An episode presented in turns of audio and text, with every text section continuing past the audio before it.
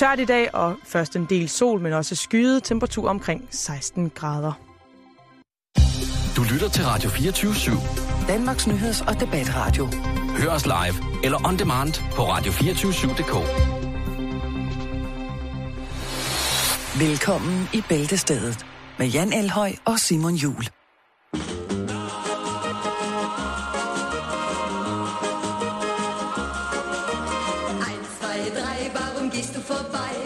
Als hättest du mich nicht gesehen? Zwei, drei, vier, bleib ein bisschen bei mir, warum lässt du mich so einfach stehen? Deine Eifersucht ist so dumm, macht uns du das Leben schwer. Sieh doch endlich ein, ich bin treu, denn ich liebe dich so sehr.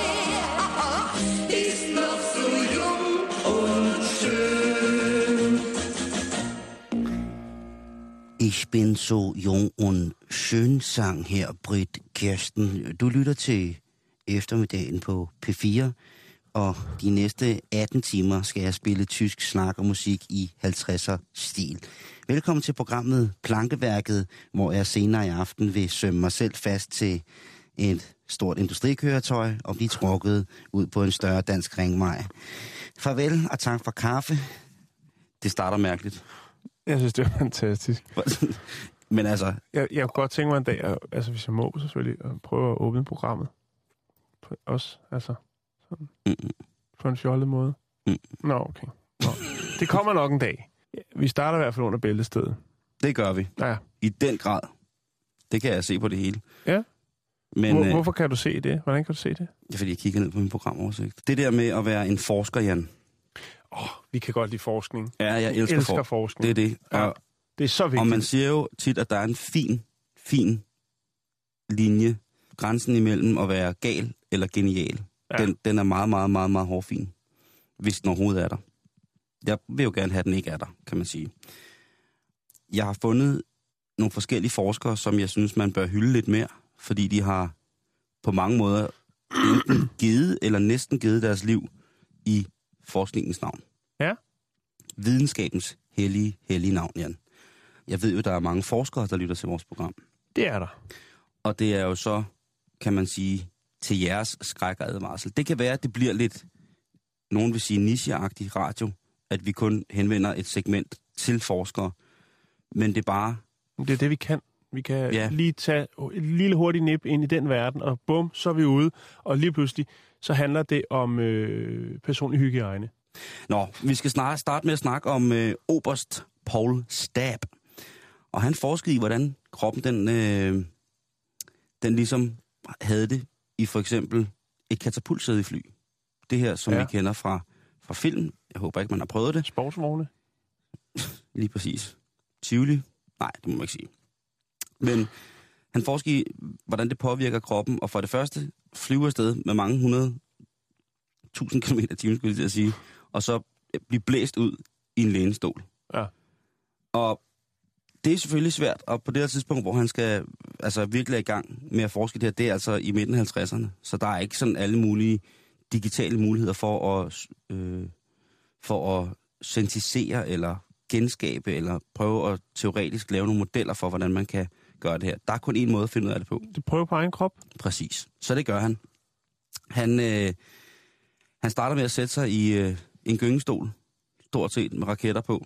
Det, altså, det ser ligner noget for en tegnefilm. Det ligner noget for den der... Hvor at ulven altid sætter sig i sådan en, altså en lænestol eller et andet, og så med fyldt med raketter bagpå. Sådan ser det ud. Ja. Han har altså sat den her lænestol op på nogle skinner, og med raketter bagpå. Og der, så fyrer han den af. Og han kommer altså lynhurtigt op på 120 km i timen på 5 sekunder i 1955. Det er altså det er nok til at komme tilbage til, til fremtiden i, i de film, hvis det er ikke? Man kan sige, det er ret godt at komme op i 120 km i timen. Det der er problemet, det er, at han bliver stoppet meget bræt. Han bliver faktisk stoppet nærmest med det, der hedder en stopklods. Så det svarer til at køre ind i en væg med omkring 120 km i timen. Det er pænt dumt, ikke? Det, der sker, det er, at øh, han er jo spændt fast over det hele. Og rent faktisk, så hans øjne, de øh, bliver faktisk presset ud af hans hoved ved stoppet. Ej. Der er så meget fart på, så de, altså ikke sådan, at de hænger. Oh, nej, det er Øh. ikke i snorene. Nej, nej, nej. Øh, de bliver, det, det, er, men det er til så meget, altså det er til så meget, at han faktisk er De er medicinsk... helt derude, som når der er halv pris på, på Carva-tøj i, i Bilka. Lige præcis. Okay. Han, har, han kan simpelthen ikke, han har, han har mistet synet, han, i 10 minutter kan han ikke se noget, og hans syn vender først gradvist tilbage sådan over de følgende dage. Ja. Derudover så blev hans krop også ifølge historien og den videnskabelige test fyldt med mærkelige små vabler. Så det skal man altså passe på med. Og spænde raketter på en gyngstol. Ja, det skal man lade være med. Ja.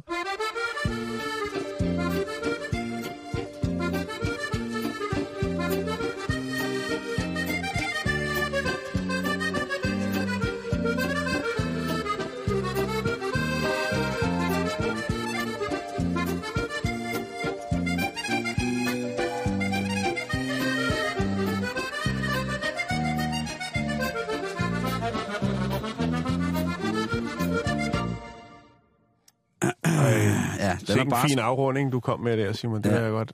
Ja. kan ødelægge næsten alt med grimt sprog. ja. Vi bliver lidt i de utræer. Gør vi det? Ja, det gør vi.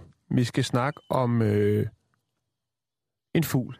En lille sangfugl, der hedder en hortolan, tror jeg, den hedder. Mhm. Øh, franske kokke, de vil altså godt have den her øh, fredede sangfugl tilbage på menukortet. Fire franske kokke, specifikt, anmoder om dispensation. Altså, det vil sige, de vil have ophævet forbud om den, altså, den her lille sangfugl, som er en delikatesse. Og vi har snakket om delikatesser før. Altså, der er mange ting, troede dyrearter. Lige så snart man putter prædikatet delikatesse til, så, øh, så bider folk gerne til bolle. Og de skal nok betale for det også. Ja. ikke? Jo, det er jo, det. jo. Altså, jo dyrere øh, det er, jo, jo, jo, jo federe er det, er der nogen, der synes, ikke? Jo. Jo mere specielt er det.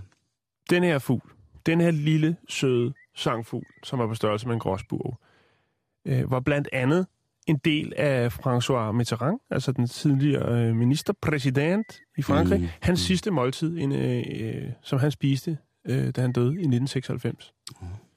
Det er noget med noget tvangsfodring, men den skal være tyk, og så skal den ligge i øh, armagnac.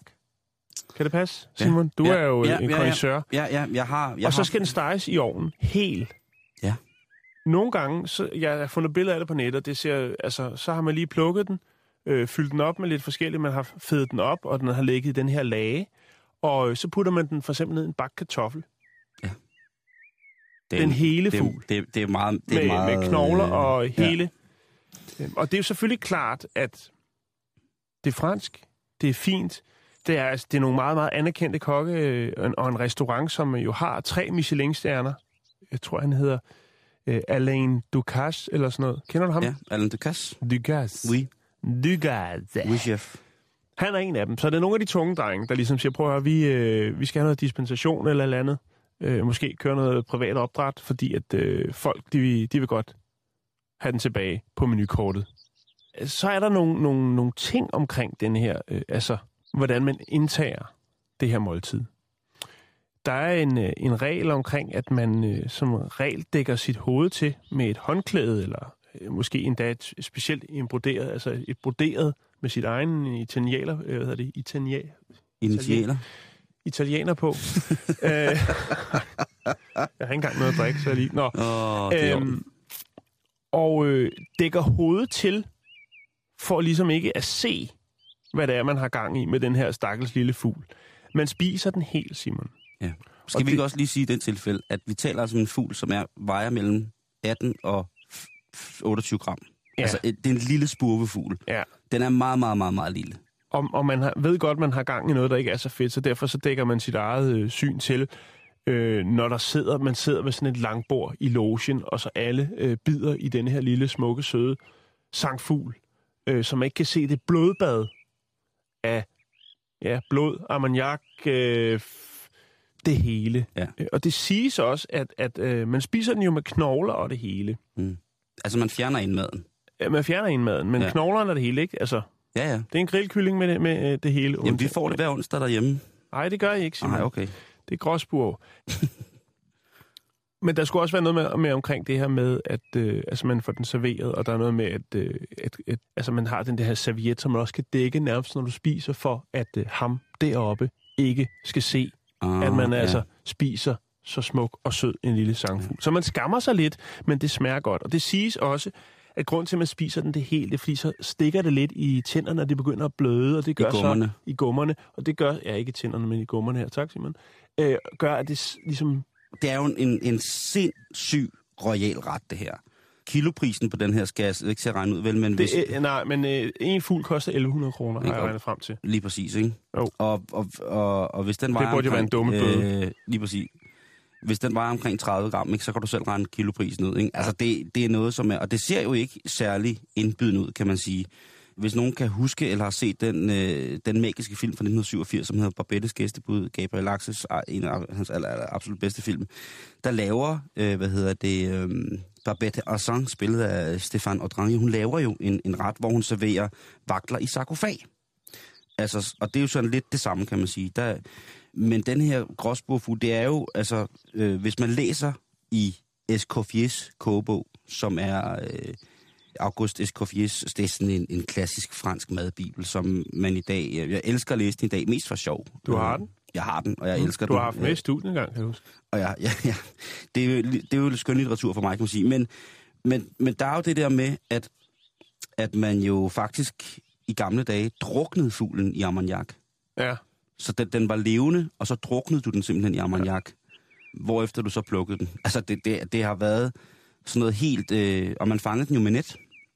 You little bird. Ja. I'm gonna drunk you now. You gonna go drunk. Very good for the president. Og den, og den er øh, dødhammerne troet. Alain Ducasse, han er jo sådan et, et, et, et ikon inden for, for fransk madlavning, og sådan på samme stadie som, som Paul Bocuse, mand, der har lagt navn til det uofficielle verdensmesterskab i, i kok, som vi kalder det. De, de, Altså, og, og det, jeg, jeg kan simpelthen, jeg kan ikke, øh, altså det er ligesom hvis man spiser for eksempel friterede sardiner i, ja bare friterede sardiner, hvis man tager sådan en åh, helt, der, det smager godt. ikke, og der kan du også æde benene, ikke? Jo, jo, Øh, det der, smager der så æder du godt. bare det hele, altså små fisk. Øh, Ja, det er godt. Og det, det, jeg har aldrig, jeg, vil sige, jeg har aldrig fået øh, hondulat, eller hvad man kalder den. Hvad hedder det? Øh, jeg har aldrig fået den. Øh, Hortolan. ja, jeg har aldrig fået øh, hortolan på den måde, men jeg har smagt i Kina, har jeg fået øh, fugle, som måske kunne minde om det, som måske var sådan lidt ondulatagtigt Mm. Og det er sjovt, du siger Kina, fordi jeg kan jo ikke drage en parallel. Altså, kineserne og, franskmændene har jo noget til fælles her, og det er jo, øh, bare det har to vinger, og ikke er en flyvemaskine, så kan det spises. Det er rigtigt. Det er fuldstændig rigtigt. Det var en tysker, der spiste en flyvemaskine. Tror jeg, det var. Men jeg kan også lige fortælle, at øhm, altså, den, den er en lille bitte, bitte, bitte sød fugl. Ja, og jeg, jeg har valgt i dag, fordi jeg ved, at der er mange lytter, som er som os, og er dyreelsker. Vi bringer mm. Historien, Mm. men øh, jeg har lært lektien, at vi ikke skal lægge nogle billeder op af nogle øh, lille tilberedt sangfugl. Ja, det skal man ikke gøre. Så derfor så gør vi det ikke. Skal vi videre? I hvert fald ikke i dag. Om vi, ja, det skal vi. Ja, det skal Godt. vi. This is a test. For the next 60 seconds, the station will conduct a test of the emergency broadcast system. This is only a test. Jeg fandt lige en liste over ting, som man ikke skal, skal spise, Jan, øh, når man er ude at rejse. Det er faktisk øh, Dyrenes Beskyttelse, som har lavet en liste, hvor at hortolanen, den står allerøverst på listen. Gør den det? Ja, det ja. gør den faktisk. Så er der for grar, val, hajfinde, blåfindet tun, sort patagonisk isfisk. Det øh, skal du altså også holde Det snitterne har for. jeg aldrig ja. hørt om. Nej, den hedder chilensk seabass normalt, og ah. den, Ah. skal du altså, den skal du altså ikke spise. Delfiner må du heller ikke æde. Nej. Skildpadder, levende dyr og ål. Det, Levende dyr? ja. Okay, altså på den måde. Ja, okay. Men i hvert fald hortolanen står aller, aller, aller øverst øh, på den liste. Ja. Jeg ved ikke, hvor jeg skal starte, Simon. Nej, jeg kan også godt se på dig, at du er, øh, du er fortørnet, og du er ikke helt til, der er nogle ting, du ikke er helt tilfreds med. Ja, altså, øh, vi kan jo godt lide at være først med historien, ikke? Ja. Og når man så sidder og hygger sig med sin historie og tænker, så har vi virkelig et program til lytterne. Så Nu. kan man lige tjekke de danske aviser. Så siger man, nå, okay, den er også råd på der. Nå, Mm. okay. Mm. Det skete hele tre gange i dag. Ej, Udover det, så havde jeg også en fantastisk salgsannonce på en Chalet Astrovan til salg i den blå avis, øh, som var ret sjov og kreativ. ja. Øh. Øh. Og det var billigt. Det var også billigt, øh, men den er også væk. Den var også kommet op Og hvad på... gør man så? Ja. Så har man selvfølgelig lige nogle historier i baghånden, som er lige så gode. Måske bedre. Det er lige meget. Vi skal nok, det skal nok gå. Det skal nok blive godt. Du, du, du. Så derfor synes jeg egentlig bare, vi skal komme i gang. Den første historie. Ved du, hvem du lød som lige der? Nej. Du lød som sådan en, en tryllekunstner, som lige har tabt alle kortene på gulvet. Duerne er fløjet ud af bukserne. Øh, den der skumgummisten, der skal hives ud af skoen, den er også blevet tabt på gulvet. Der driver tørklæder ud af munden på dig. Og så står du foran børnene og forklarer, at det skal nok blive godt igen alligevel. Og selv børnene græder på vej til at gå, ikke? Kan I Lunge? Kan I lide? Det skal nok være godt, det skal nok være godt, jeg skal... Jeg har været ude at se her, det er en... min... Se, nu tager bukserne af. Selv en tryllekunstner kan have en dårlig dag. Ja, lige præcis. Tro mig. Men jeg ved, at Jeg dit ars, jeg, jeg ved rent faktisk, at dit arsenal af tricks, hvis man skal lave det i overført betydning, den er, det er en stor purs. Du har, Stor, stor purs. du er en stor purs, du har fyldt med gur sauer, med jenne gur Jo. sauer, jeg ved, at du har det, Jan. Jaha. Og ved, og ved, og tog, tog, at du har gur historie, det er, du Man skal ikke bare se at komme i gang for. Jo, det var bare ud over stepper, jo. Så er der værmøller fra Japan. Fra Japan er der meget godt. Nyt og gammelt, teknik og karate. Ninja og valfanger. Og bitte små tissemænd. Hej!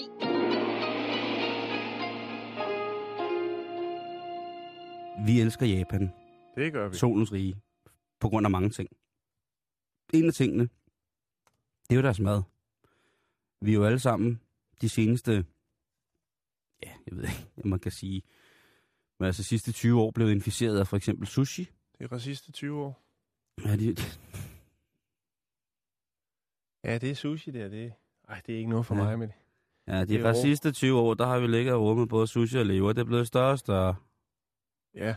Nå. Og nu løber det også. Ja, det er skrækkeligt. Nå, Prøv at høre, Jan. fokus. Nå, nummer et bog på den japanske Amazon PT i dag. Vi skriver det værende dato. Det er den 25. 9. 2014.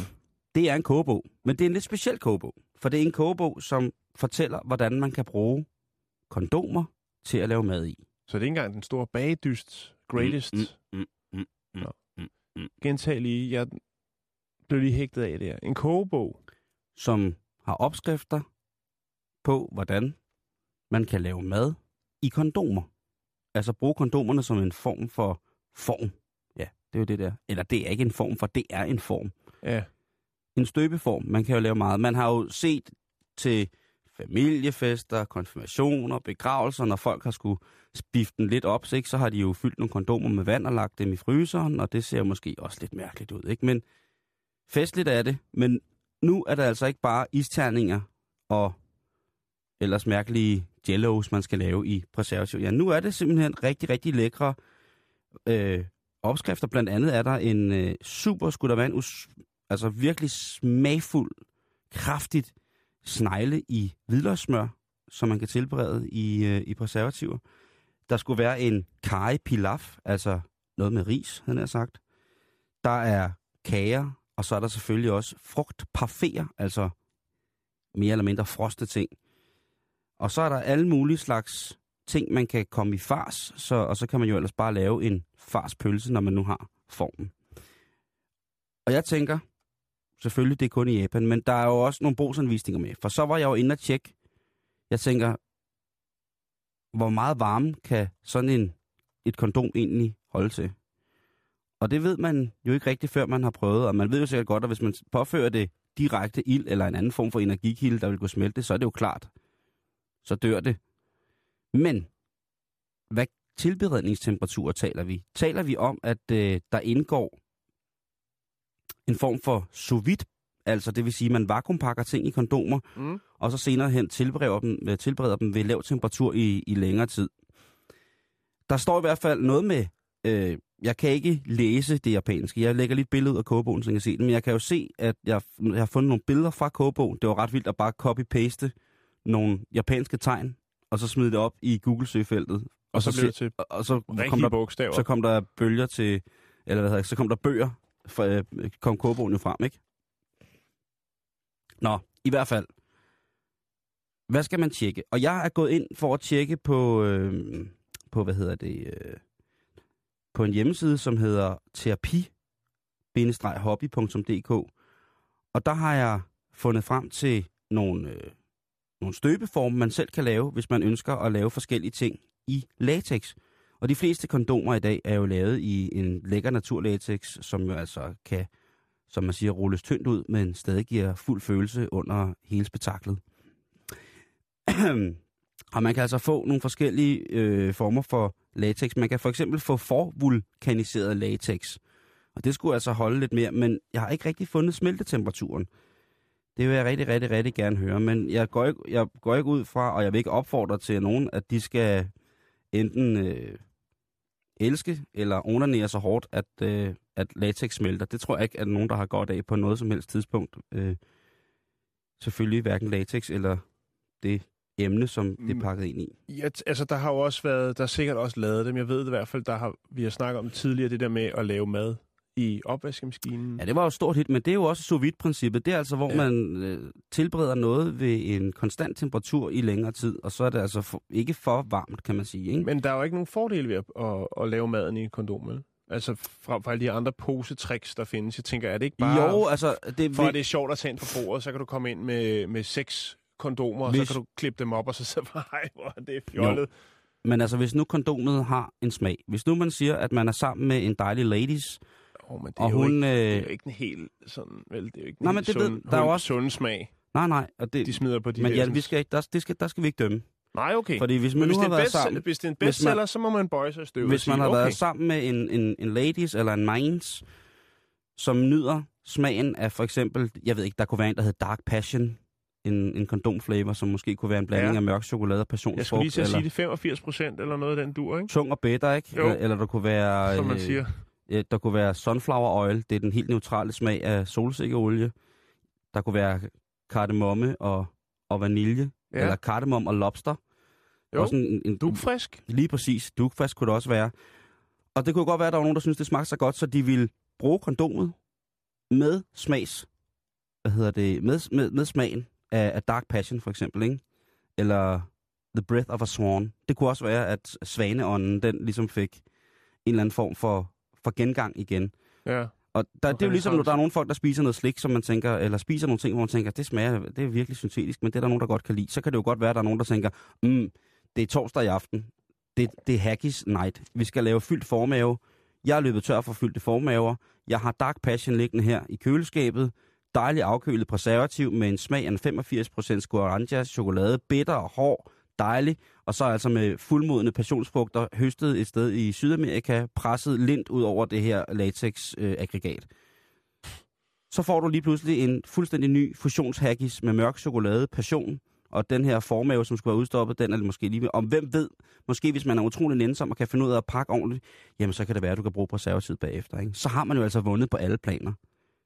Så er der ikke noget med at sige, prøv at høre, torsdag kan ikke være haggis night, fordi vi mangler formave. Nej, fordi man har altid lige, øh, enten Dark Passion eller et eller andet. Relax, ja. eller hvad det hedder. Jeg kan ikke huske, hvad alle de kondomer. Duplex. Det er så lang tid siden, jeg har købt sådan noget, så det, det køber jeg kun ved, ved særlige lejligheder. Ja, men uh, tak for, at du lige fik den med. Det er Det er dig. simpelthen så sørgeligt på den konto, Ej, okay. hvis jeg skal... så det var, det var nyt fra Japan. Hvis du vil Ja. have bogen øh, ind på Amazon, Smider du link op? Jeg smider i hvert fald et billede op, så kan man finde den. Øh, jeg skal nok lige se, om jeg kan finde et link. To sekunder, så skal jeg være der. Rude boy, listen. Yes, we got the flow. Cause when I'm on the rhythm, yeah, me got the big show. Ja, men øh, så var det jo her, jeg skulle have præsenteret en dejlig historie, jo, som jo så åbenbart også har fået lidt mediebevågenhed andre steder, og så må vi jo videre i teksten. Og øh, så tænkte jeg, hvad er I vilde med derude, kære lytter? I kan godt lide den nye iPhone 6. Øhm, og øh, så dukkede der noget op. iPhone 6 Plus og øh, problemstillingerne dertil. Der vi ved godt, der er mange, der sviner det ene og andet til med den, men der er altså også øh, en del japanere, som er rigtig glade for den, men som ikke rigtig kan nå hele vejen rundt på det forholdsvis øh, store display, der er på den nye iPhone 6 Plus. Og så går det hurtigt dernede, Simon. Og hvad gør man så? Det ved jeg, jeg besidder jo en af de her mindre asiatiske poter, Jeg har jo to af vi dem. har lige testet det i dag. Vi har lige testet det i dag, og jeg, jeg kan faktisk ikke nå hele vejen rundt om min iPhone med mine øh, små fingre. Nej. Og når jeg skal sms'e og åbne og lukke, så er jeg så nødt til at, at have, hvad hedder det, øhm, have gang i at skulle have, en- lave en støtteanordning, hvor min lillefinger, min lille bitte pølse lillefinger, støtter under neden, således at jeg kan løfte den op og ned, sådan, så jeg kan med tomlen nå hele displayet. Altså, jeg vil ikke have en... De der nye store telefoner, hvor de siger, at de har 7 tommer skærm og sådan noget, jeg vil ikke have en chance. Jeg vil skulle bruge den som en iPad. Jeg vil skulle stå med det i en hånd, og så jeg vil ikke kunne betjene med en hånd. Nej, men der er håb. Fordi at, øh, japanerne, de rykker hurtigt. Hvis der er en problemstilling, og det er noget med teknologi at gøre, så skal de nok sørge for, at alle kan være med på bussen. Og øh, det, det handler om, det er Yubi Nobiru. Yubi Nobiru. Yubi Nubiru. Ja. Og det er altså... Det er et- verdens sødeste navn. Lige pt. Er. Yubi Nubiru. Ja, det er en 15 mm øh, forlænger til din tommelfinger, så du kan komme hele vejen rundt på dit øh, display på din iPhone 6 Plus. Oh. Eller hvis du har en anden øh, Galaxy Note øh, 4, eller hvad du nu lægger og roder med, og har øh, asiatisk håndstørrelse, så er der altså, jeg kan lige smide et billede op for en reklame, den er allerede derude online, og det er jo altså simpelthen ligesom, altså den er lidt, den er lidt mere... Øh, hvad skal man sige, fast i det, end de her sådan, så gummidutter, du kan sætte på, på, øhm, på fingrene, når du tæller dine sorte penge, øh, efter du har været rundt på landets festivaler. Åh, oh, ja. De er så seje, de der. Et gummifingerbøl, eller hvad det hedder. Ja. Sådan en nup, nubret finger. Ja, lige præcis. Den er lidt længere, og så er der jo fordi, at man skal jo have, ligesom, hvad skal man sige, håndens varme, eller hvad det nu er, der gør. Altså ligesom med de der handsker i starten, så kunne man jo ikke betjene en, en Strangler telefon. gloves. Strangler gloves. Øh, så derfor er- går der altså så en tråd fra, øh, fra din finger af og ud til fingerspidsen af din, øh, din fingerforlænger her, så du kan betjene din telefon. Den, at det kan jo være kærkommet i utrolig mange situationer at have sådan en lidt ekstra lang Jo. finger. Og folk kan jo ikke, altså de kan jo ikke undvære deres smartphone. Altså det jeg har lige set en overskrift i dag, at øh, der er jo ret stor rasje i gang landet over. Øh, politiet har gang i, hvor de stopper folk. Og selvom folk får bøder for at sms'e og bliver taget for det, så sidder de sms'er videre, mens de får udskrevet deres bøde. I bilen. Ja, folk kan ikke undvære øh, den livline nu til dags. Vi snakkede om det i går. Måske kommer sms-målepistolen. Præcis. Og det virker åbenbart til, at der er behov for det. Det var noget andet noget dengang, der var fastnet. Ja, der, der, Der, var, var det hele meget nemmere. Der Der var, det var to 25 øre i snørebåndet, og skulle man ringe hjem, så faldt man en telefonboks, og så ringede man hjem. døde ens, Og så kunne man gå lettere derfra. døde ens kærlige, men ellers ofte beruset mormor ved at falde i gadekæret i landsbyen, ja, så kunne det faktisk godt være, at man som barnebarn til hende var den sidste, der fik det at vide, fordi telefonen ikke virkede. Ja. Det er jo I noget andet i faktisk- dag. så Der, der, dig- tager mormor jo en selfie lige, inden hun fuldt falder i, i gadekæret, ikke? Jo jo, det, sådan er det. Det Jeg kan fortælle dig en lille historie fra det virkelige liv. Jeg var ude og køre tog med mine børn i forgårs om morgenen. Ja. Jeg står på Flintholm station. Og øh, så ser jeg min yngste datter, som er fem år, hun ser en telefonboks. Og så spørger hun, hvad det er. Så siger jeg, det er en telefonboks, og man kan, man kan ringe derfra. Så siger hun, men hvorfor skal man ringe fra stationen af? og det er, jo, det er jo rigtigt nok. Det er jo helt fjollet, fordi ja. alle har jo den der, du ved, lige ved hånden. Men man skal jo høre sandheden, Jan. Ja, jamen, fuldstændig. Det, man skal høre sandheden for, for, for fulde børn. Men kan det blive vildere? Nu er, vi, altså, nu er det iPhone, vi snakker om, og jeg, det er ikke elektronister, det her, men jeg vil godt lige bringe noget på banen, og jeg kan simpelthen ikke finde ud af, hvor meget det her det virkelig er noget, der fu- fungerer eller ej. Det er jo sådan, at der er ufattelig mange penge i, når der kommer et nyt produkt, og så lave øh, lidt, øh, lidt bling-bling, lidt ekstra ting til iPhones. Accessories, Jan. Accessories, ja. Jeg vil ikke sige det. Jeg Nu, synes, sag, nu sagde jeg det. ja, okay. Men så, så er det ord, vi bruger øh, her. Accessories, accessories, accessories. Accessories. Mm. Og der er der jo så nogle firmaer, der spekulerer i, nå, vi skal lige have et aftryk af den nye iPhone, og så går vi i gang med at producere. Og det er selvfølgelig altid noget, der er lidt ekstravagant. Altså, vi snakker iPhone-cover øh, i 14 karat guld, øh, Mhm. Eller 14 karat, øh, karat rosa guld, eller Oh. ring platin finish, hvis man vil have det. Oh. Og det er jo altså sådan noget, der koster øh, sådan 4500 øh, til op til 8500 dollars for sådan et dejligt kovare. Det der så går hen, hvor jeg siger, siger ligesom, altså, og jo jo, der er selvfølgelig Altså, hvor der er penge, er der også idioter, som man plejer at sige, der hvor jeg ikke kommer fra. Øhm, så er der selvfølgelig også nogen, der godt kunne tænke sig at bruge lidt mere. Og så er det så, at jeg finder en hjemmeside, Simon. Jeg kan simpelthen ikke finde ud af det. 8.000 dollars, Jan. Jo, jo, Er du men det klar, hvor kan... mange penge det er? Ja, det ved jeg godt, men jeg finder så en hjemmeside, hvor du altså så kan få øh, toppen af poppen. Du kan få, det må være verdens dyreste iPhone-cover. Det dyreste, de har på deres hjemmeside. Det koster altså 48,5 millioner dollars. Jeg har ikke haft tid til at regne det store tal ud, men det er mange penge. Hvor, meget? 48? 48 millioner dollars. 48,5 millioner er, dollars. det er næsten 300 millioner kroner, ikke? Jo, men det der er det er faktisk, at øh, jeg prøvede faktisk at købe et her lidt tidligere, for jeg tænkte, det er jo snart, det er snart jul.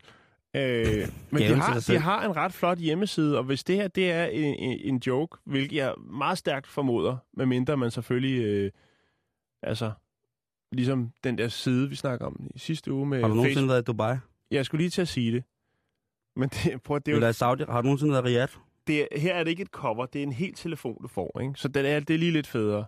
Altså, det kan godt være, at du kan få et, et fint øh, f- øh, 24 karat cover, guldcover øh, til en, en 4500 dollars eller 8.500. Men du kan altså her kan du få en specielt lavet iPhone fra Falcon, hvor der simpelthen bare er den helt tunge diamant på bagsiden, og så er der guld og platin i stridestrømme. Jeg lægger et link op, så kan man selv sidde og rode derinde og tænke, nå, skulle man forkæle sig selv lidt? Kan man egentlig trække det fra, når det er så stort et beløb for en firmatelefon? Øh, Nå ja, selvfølgelig, hvis det er firmatelefonen. Det er da klart. Ej, der gav du mig en god idé. Den dag, jeg har 48 millioner dollars, eller Dollars. 300 millioner kroner, så skal jeg da nok komme ja. efter den med den telefon der. øh, men der er, altså det, det er også igen, det er guld, det er platin, og så på bagsiden, jeg kan lige lægge linket op, Simon, så kan du se det. Der er der altså øhm, en stor, stor, stor, flot diamant. Jeg, jeg, jeg kan ikke helt forstå, hvordan det hænger sammen, og jeg tror, det er for på fiduser, men jeg tør godt ved med, at øhm, det næste stykke tid, der får det her altså nok lidt øh, omtale i, i pressen. Men husk, hvor I hørte det først. Radio 24-7, Bæltested.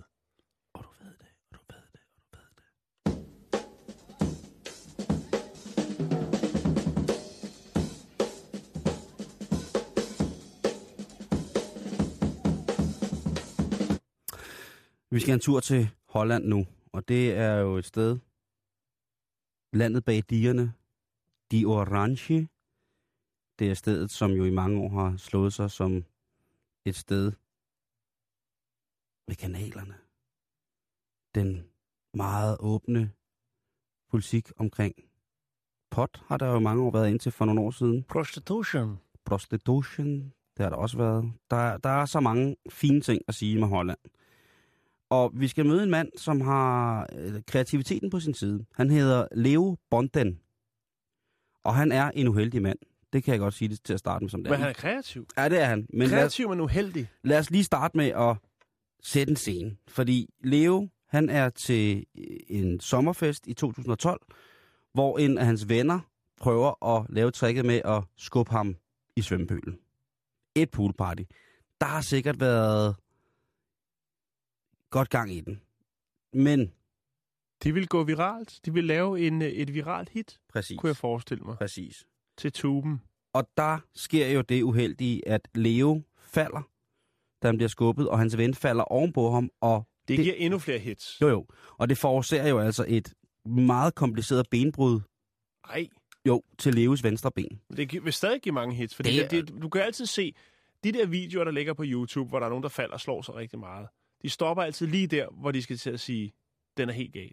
Mm. Lige inden, de, altså, Altså, inden at vedkommende, der er kommet til skade, begynder at skrige, så stopper de lige. lige præcis. Men det her, det, han stopper ikke med at skrige, kan man sige. Og jeg ved ikke, om det bliver YouTube for mig. Jeg håber det ikke. Brødet, det er så voldsomt et problem, så det faktisk har problemer med at vokse sammen. Der er mange forskellige ting, der gør, at, øh, at det har svært ved at vokse sammen, men i hvert fald så må de i 2014 sande, at der er gået så meget betændelse i det her benbrud, altså inde i benet, og det er øh, noget, der har spredt sig helt op til hans knæ. Og hvis de får ligesom at skulle redde resten af hans ben, så han ikke skulle have skåret, skåret, skåret skinken af helt op ved, ved skrevet, så, så vælger de så at, at bortoperere og amputere hans ben. Meget klassisk sørøverstilen, lige under knæet. Lige under knæet. Og um, Så skal han i gang med Skal der drejes? Han får, han får jo mange gode. Holland har jo også et glimrende sundhedssystem, så i tilfælde af sådan nogle ting, der, jamen, så er der selvfølgelig masser af hjælp og støtte og vejledning at hente. Men Leo han stopper ikke der, fordi han synes, det der ben, som har tjent ham så godt i så mange år, Altså, det, det er amputeret ben? ja, det kan man da ikke bare smide væk. Man skal da være lidt taknemmelig over de lang, altså man må være taknemmelig over den tid, man har haft det ben. Så han spørger hospitalet, prøv at høre, drenge og piger, må jeg ikke få mit ben med hjem? Jeg vil så gerne have det med hjem. Jeg kommer til at savne det. Det bliver også en form for, det kommer sikkert også til at have en form for terapeutisk virkning for mig, at have det her ben. Og i Holland, der er det nu engang sådan, at hvis du får amputeret et ben på et offentligt hospital, så tilhører det amputerede, den amputerede del af dig, tilhører faktisk ikke dig mere. Den tilhører ja. faktisk hospitalet og skal behandles som, som affald. Jeg ved ikke, om de har... De har en blå container ude bagved. Ikke? Og der er... Øh, der er Småt brandbart.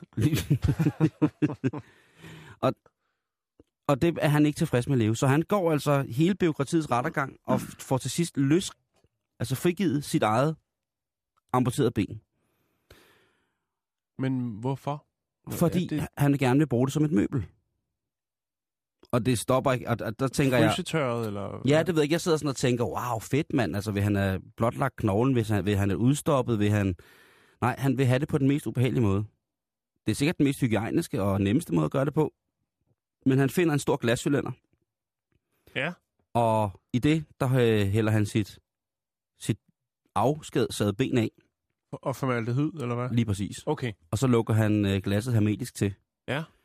Og så er det jo ligesom øh, sådan en udstilling, der var i gamle En flot skolelokaler. lavalampe. Lige præcis. En lavalampe bare med ens egen rådne fod i. Så det har han altså fået gjort. Og han er jo enormt glad for lige præcis det her projekt. Det er fandme mærkeligt, Ja. det der. Det er nemlig rigtig, rigtig mærkeligt. Og på et tidspunkt, så kommer han lidt i et økonomisk uvær, ham her leve. Det kan vi jo alle sammen komme i. Og han tænker, hvad kan jeg sælge herhjemme, som vil indbringe mig lige præcis de penge, som jeg har brug for nu? Og så tænker han, nu har jeg sagt farvel til mit gode gamle ben. Og det er Den- en unika, jeg går ikke ud. Jeg har aldrig hørt om sådan en lampe før. Nej, altså jeg har hørt om nogle grimme, grimme lamper, som blev skabt af kolonister og nynazister, men dem vil jeg slet ikke komme ind på her. Nej.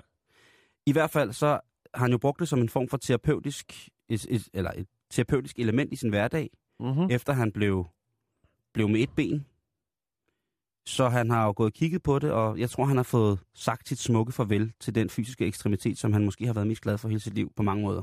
Og det siger han selv. Og nu mangler han penge. Nu mangler han penge, så sætter han det til salg på eBay. Det er jo klart. Et godt sted. Ikke? Altså, lampefod får noget helt, et helt andet, et helt andet betydning, og det sker også for, for Leo. Leo, han smider det her op, men han sætter det, altså, øh, han, han vil sælge det til 100.000 dollars. Ja, okay, men stadigvæk. Jo, men du ved, The Freaks Come Out at Night. Der sidder sikkert nogen derude, der tænker, åh, hvad er sådan et sådan halvt ben for sådan en hollandsk mand. Åh, det er det, jeg skal have i formaldehyd. Nej, ja. Der sidder Det gør der helt sikkert. Og- altså. og- Sælger han det som en lampe, eller som et, altså som et, et stykke kunst? Han sælger det som øh, en hel lampe. Okay. Men det vil eBay ikke være med til. Da de finder ud af, at det, der, det faktisk drejer sig om et rigtigt afskåret menneskeben, og det så sælgers, så bliver han jo i den grad, altså med artikel på røv albuer, sendt væk fra den øh, elektronificerede handelsbase eBay.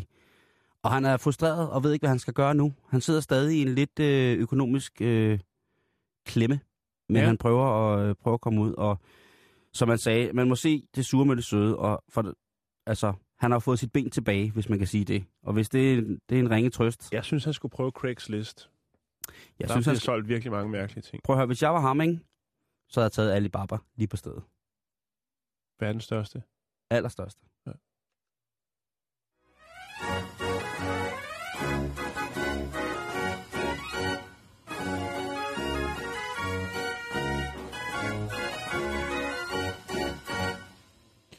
Så skal vi til Norge.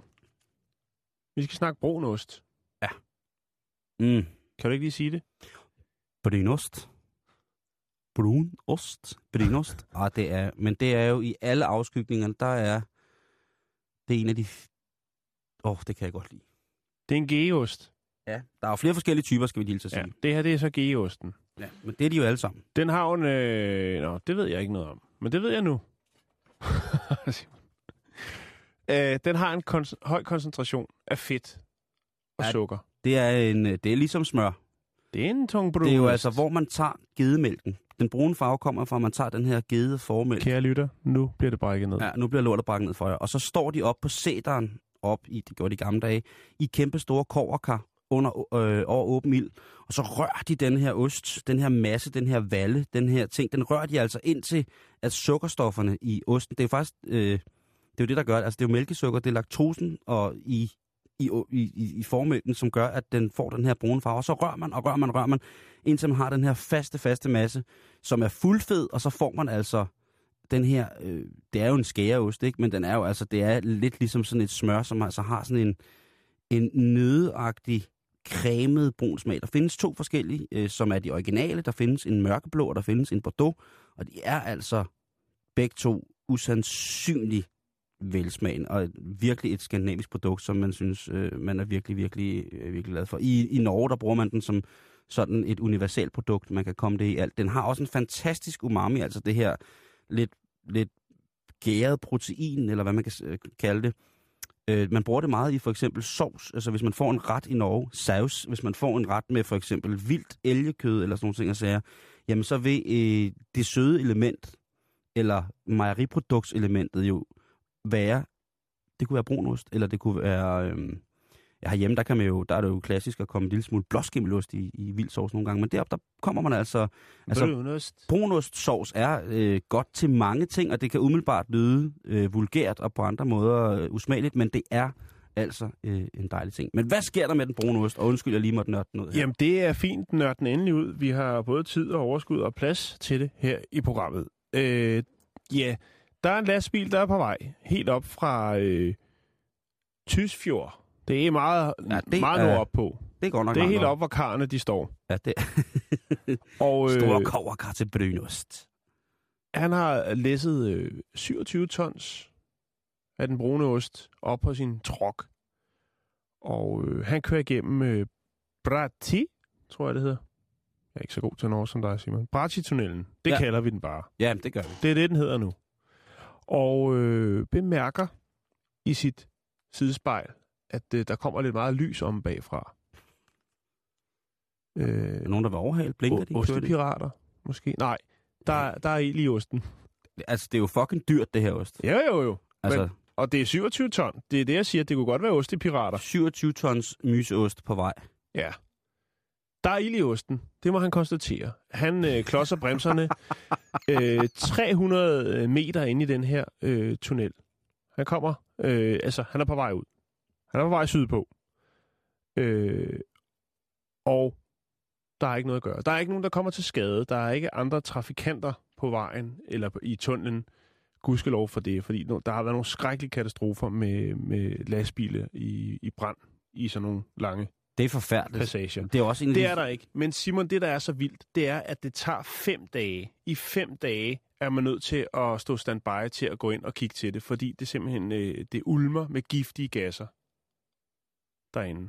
Altså, Der når er ild i de 27 tons ost. der står 27 tons brun ost eller myseost og brænder i en tunnel i Norge. Ja, det, det må man ikke grine af. Er der Nej, nogen, der, det, det, det må man ikke grine før af. man ved, om der har været nogle personskader. Og Der det, er har, ikke- det er der ikke. Det er Åh, der ikke. Det, det siger er godt, politibetjenten du. Det- det... Viggo Berg, øh, som jeg helt sikkert ikke har snakket med tidligere i dag. Han siger, at øh, den høje koncentration af fedt og sukker Ja. ja. jo næsten giver det sådan en øh, benzin-lignende ting. Altså, Det er ostenapalm. Det er ostenapalm. Den brune ostenapalm. Det er de norske faldskærmsjæger ynder at kaste ud over deres fjender. Det er glødende, glødende, glødende myseost. Det, Hvor er det sindssygt. Fem det, det er super vildt. Øh, og øh, der går altså nok øh, en uge eller to, før der ligesom er, er ryddet, op, øh, ryddet op, og man kan benytte den passage igen op i øh, Brati-tunnelen. Okay. Der, kan... og der, så jeg kan lige sige til sidst, at øh, vi er ikke alene, kan man sige. Øh, fordi at øh, Kjeldbjørn Vinje fra øh, de norske offentlige vejes administration, han vidste ikke, at ost kunne brænde så voldsomt. Nej. Altså, brun ost i lys lue i fem dage, ikke? Det er Med altså... gasser der tilhørende. Der må, altså, der må simpelthen... Jeg ved, jeg kender jo nordmænd ret godt, og jeg, jeg er jo ret sikker på, at der må have stået nogle nordmænd og tænkt... Altså, der, hvis der er noget, der bliver går til spil, så bliver nordmænd jo generelt utrolig leje af dem selv. Det synes de ikke uh, hører nogen steder hjemme. Man skal gerne gemme, man skal gerne bygge op, hvad der er brækket igen, så det virker mere. Og man skal faktisk gerne bruge flere penge på at reparere ting, der er gået i stykker, i stedet for at anskaffe sig noget nyt. Og det har de jo også råd til, kan man sige det op. Jo, jo, bestemt. Og det er jo et, øh, synes også, det er lidt et signal at sende til omverdenen, at prøv at høre, vi har det godt nok. De har det. Det er jo Erna Solbergs højre regering, som siger, prøv at høre, ved I hvad, vi har da råd til at lade to- 27 tons ost udbrænde totalt i en eksplosionsagtig brand over fem dage. Det er altså en bavn, der vil noget. Det er et, ja, jeg ved fandme ikke, hvad man skal kalde det, men fem dage, du. Der Ja. ja. må også lugte, altså hele den der tunnel må jo være simpelthen, altså enten må der lugte fuldstændig himmelsk, eller så må der simpelthen stænke helt forfærdeligt. Jeg er sikker på, at den får et øgenavn eller to, når, når de har ryddet op. Den brune tunnel. Ja, den brune tunnel. Ja. ja. Eller ostehulen. Jeg synes også, det... Den brune passage. Ja, den brændende osttunnel. Ah, det var dårligt, Simon. Ja, Nå, det var den. vi skal videre. Det skal vi. Ja. I programmet eller bare historien? Øh, I programmet. Okay, så lad os gøre det.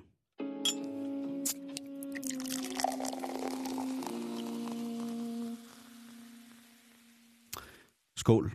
Det kunne være, at man nu er ved omkring lidt i tre allerede sidder og kigger ned på den dukfriske, kolde, klare pilsner, man her om ikke så længe til fyraften skal nyde.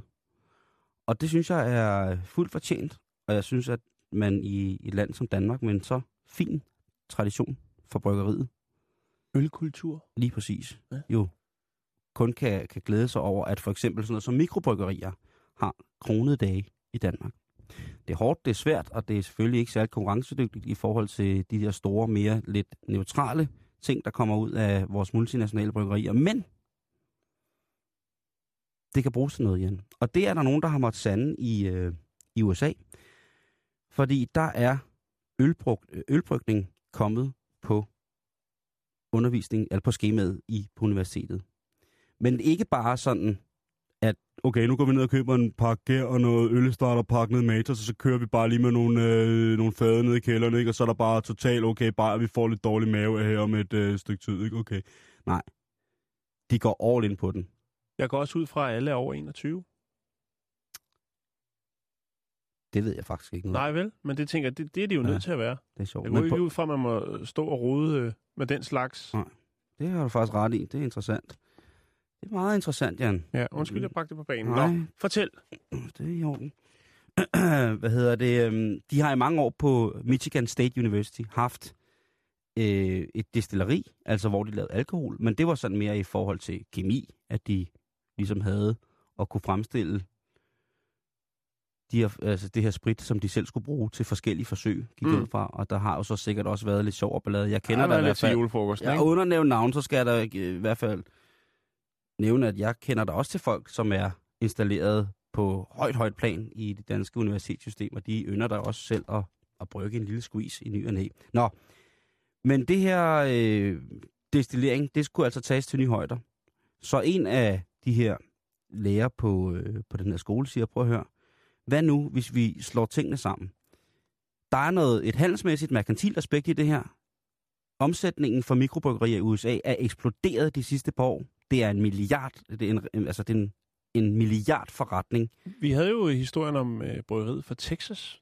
Dem, som lavede øh, den der 99 Lige pack øl på over to meter lang. Vi har en dansker i toppen af, af ølproduktionen, af nicheølproduktionen i USA osv. osv. Og der kommer mere og mere. Men, som man siger, Michigan State, det ligger ikke så langt fra Detroit, kan man sige. Det område har jo været påvirket utrolig meget af, at øh, den, netop den by er gået for lidt og har haft det helt forfærdeligt. Det har alle muligt snakket nok om. Så han tænker, hvad nu hvis vi kan lave en økonomisk forsvarlig øl på produkter, som vi selv har dyrket, instrumenter, vi selv har lavet, og i det hele taget går 100% hjemmelavet. Vi, vi laver en total hjemmelaver på den her. Ja. Og så skal vi selv kunne sælge det også. Så kunne man ligesom tjene lidt penge på det, og det skulle øh, udgiftsomkostninger og sådan nogle ting, og så jamen, kunne holdes nede. Men der, der skulle indgå elementer fra, alle, fra flere forskellige øh, fakulteter på universitetet. Et tværfagligt samarbejde, som handler om bajer. Det er med godt ting på universitet, ikke? Jo, det synes jeg. Og det får de så gjort.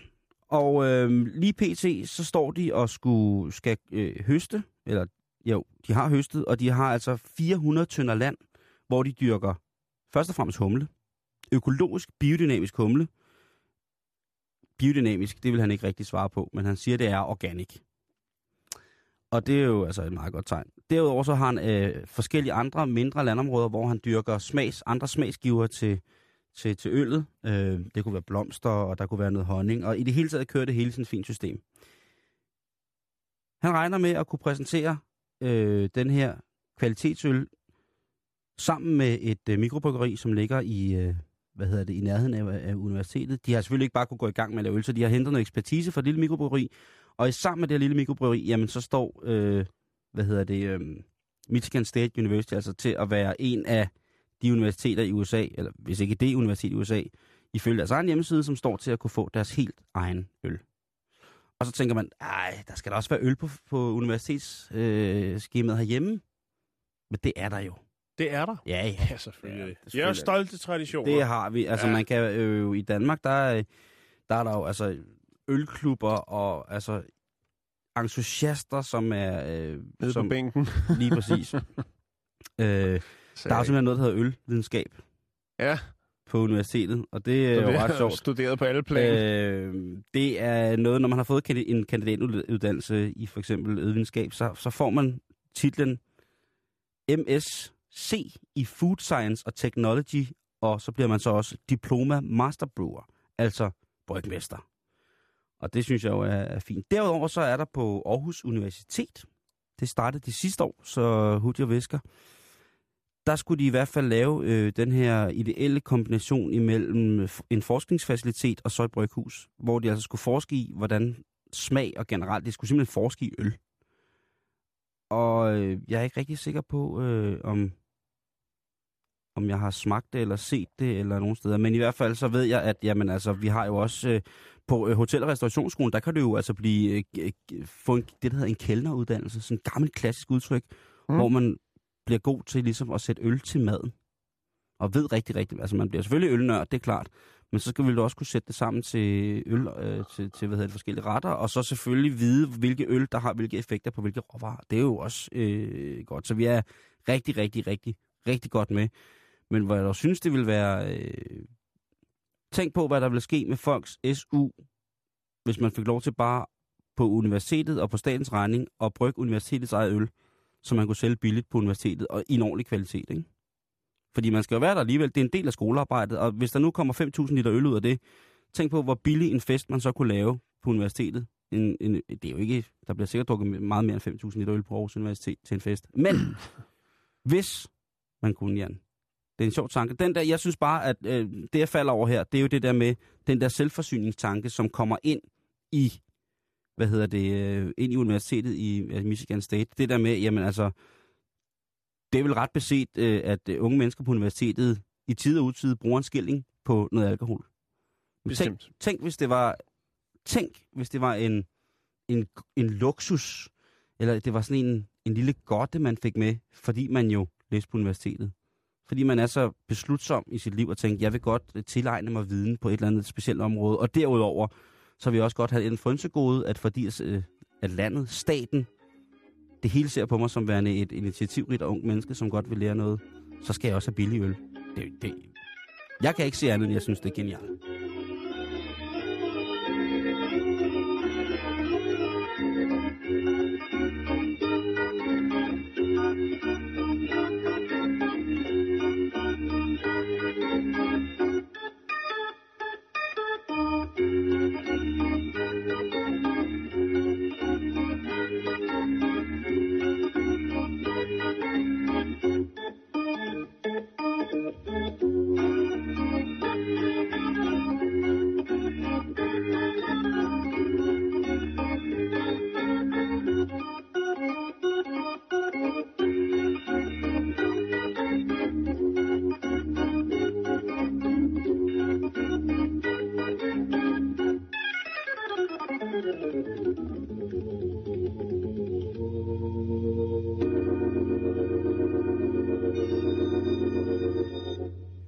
Alt, hvad vi når i dag.